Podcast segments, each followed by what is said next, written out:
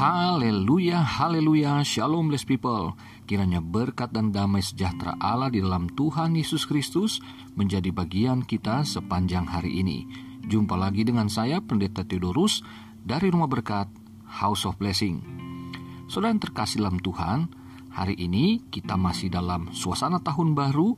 Untuk itu, saya akan memberi judul untuk renungan hari ini, Menjalani Tahun Baru dengan Kehidupan yang Baru Pula.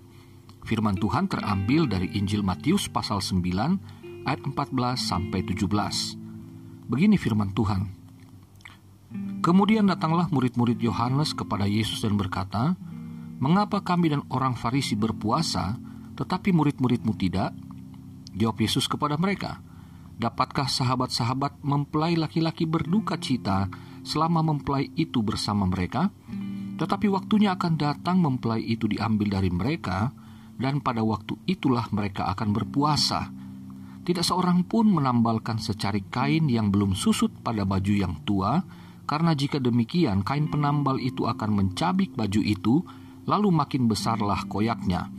Begitu pula anggur yang baru tidak diisikan ke dalam kantong kulit yang tua, karena jika demikian kantong itu akan koyak, sehingga anggur itu terbuang dan kantong itu pun hancur tetapi anggur yang baru disimpan orang dalam kantung yang baru pula, dan dengan demikian terpeliharalah kedua-duanya. Nah, blessed people, saudaraku yang terkasih dalam Tuhan, ini adalah pertanyaan dari murid-murid Yohanes Pembaptis kepada Yesus. Ya kemungkinan mereka dikomporin oleh orang-orang Farisi, seperti yang dituliskan oleh Injil Lukas. Nah, Saudaraku, mereka mempunyai tradisi berpuasa. Berpuasa sendiri bukannya tidak baik. Berpuasa itu baik, tetapi seperti yang Tuhan Yesus pernah ajarkan di dalam Matius pasal 6 itu, berpuasa bukan karena adat istiadat semata, tetapi betul-betul karena iman, karena kerinduan akan Tuhan karena hal-hal yang diajarkan di dalam Yesaya pasal 58. Saudara yang terkasih dalam Tuhan, bahwa murid-murid Yohanes sebagaimana orang-orang Farisi dan orang Yahudi pada umumnya, mereka berpuasa dengan sikap hati yang penuh duka cita karena penjajahan bangsa Roma yang berkepanjangan. Sementara mereka mengharapkan datangnya Mesias untuk melakukan pembebasan.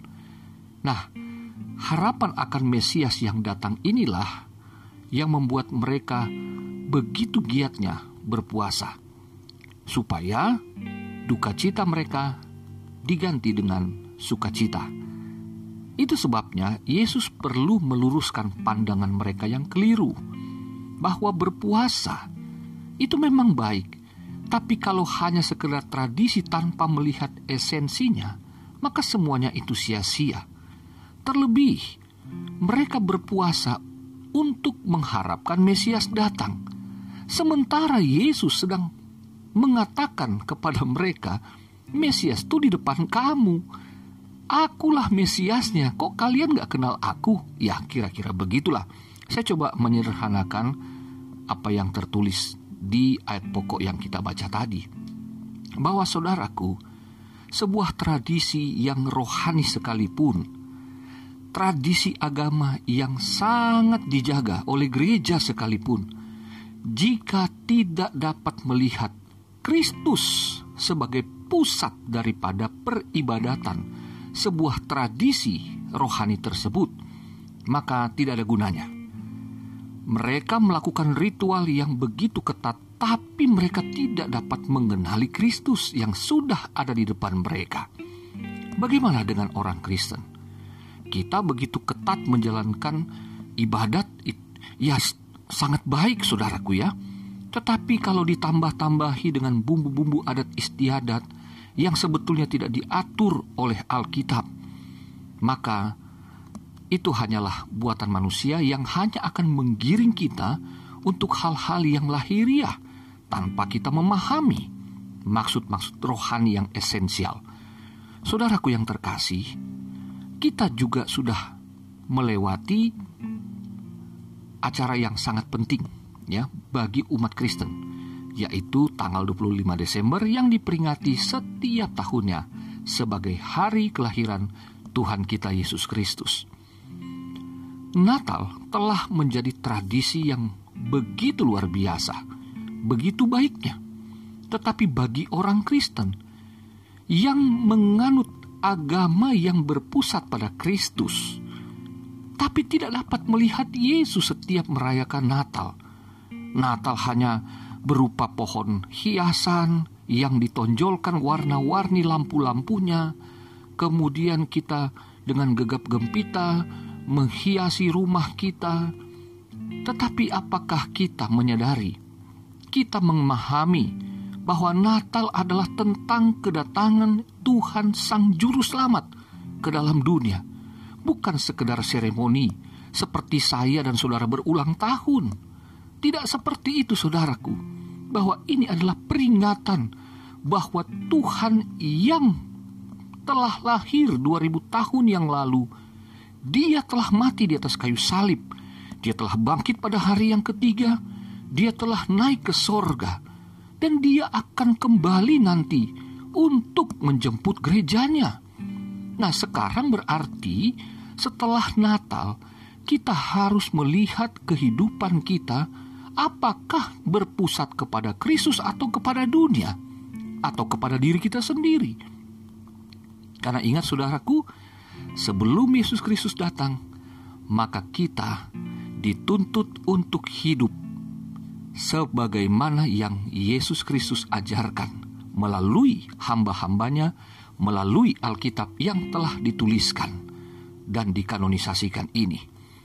Saudara yang terkasih, tahun baru juga merupakan tradisi yang luar biasa. Gegap gempitanya setiap pukul kosong kosong di setiap wilayah, di setiap daerah, di setiap negara, di seluruh dunia, menyalakan kembang api yang luar biasa. Begitu megahnya langit dengan cahaya kemilau dari kembang api tersebut, bunyi petasan di mana-mana menghiasi suasana tahun baru itu. Sekali lagi, apakah kita dapat melihat Kristus di dalam perayaan tahun baru yang kita tradisikan itu? Apakah kita melihat bahwa tahun yang baru, tahun yang sudah berganti, itu semua dimulai dengan penanggalan tahun Masehi untuk mengingat Sang Masiah, Mesias, Kristus. Haleluya. Jadi saudaraku, setiap kita menyambut tahun baru, kita menjalani tahun yang baru. Ingat, kehidupan kita pun harus senantiasa diperbarui. Kita harus merenungkan apakah di tahun sebelumnya kita hidup di dalam Tuhan, kita setia kepada Tuhan, kita setia beribadah, kita setia di dalam menjalankan perintahnya atau tidak. Ketika kita mengingat bahwa tahun lalu adalah karena kemurahan Tuhan saya berada di tahun yang baru, maka kita harus memohonkan Tuhan untuk memberikan kita juga kekuatan agar dapat menjalani tahun yang baru ini sepanjang tahun ke depan sampai menjelang tahun baru lagi, maka kita harus hidup di dalam terang firman Allah. Karena ingat saudaraku, tantangan di tahun sebelumnya sudah begitu besar dan berat maka di tahun yang baru yang kita jalani, tidak ada garansi akan semakin ringan. Sama beratnya atau bahkan mungkin lebih berat, bisa jadi.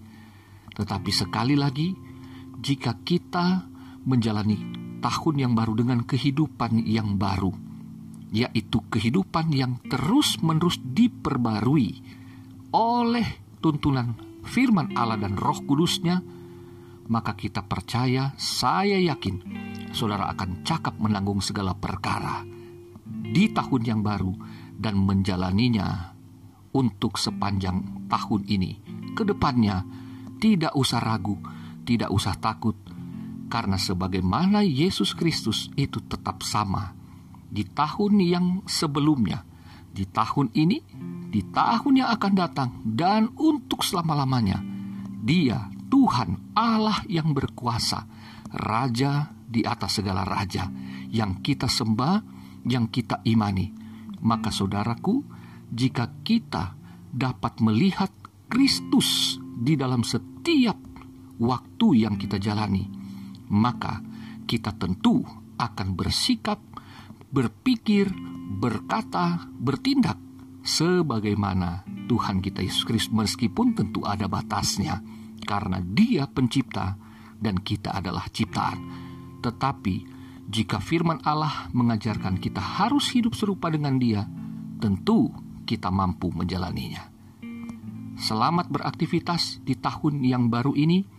Milikilah pengharapan yang baru dan hiduplah senantiasa di dalam pembaharuan sehingga kita dapat melihat hal-hal yang baru yang akan Tuhan kerjakan yang tidak kita sangka, tidak kita duga menjadi berkat bagi kita. Segala kemuliaan bagi Tuhan kita Yesus Kristus. Diberkatilah saudara sekalian. Haleluya, bless people.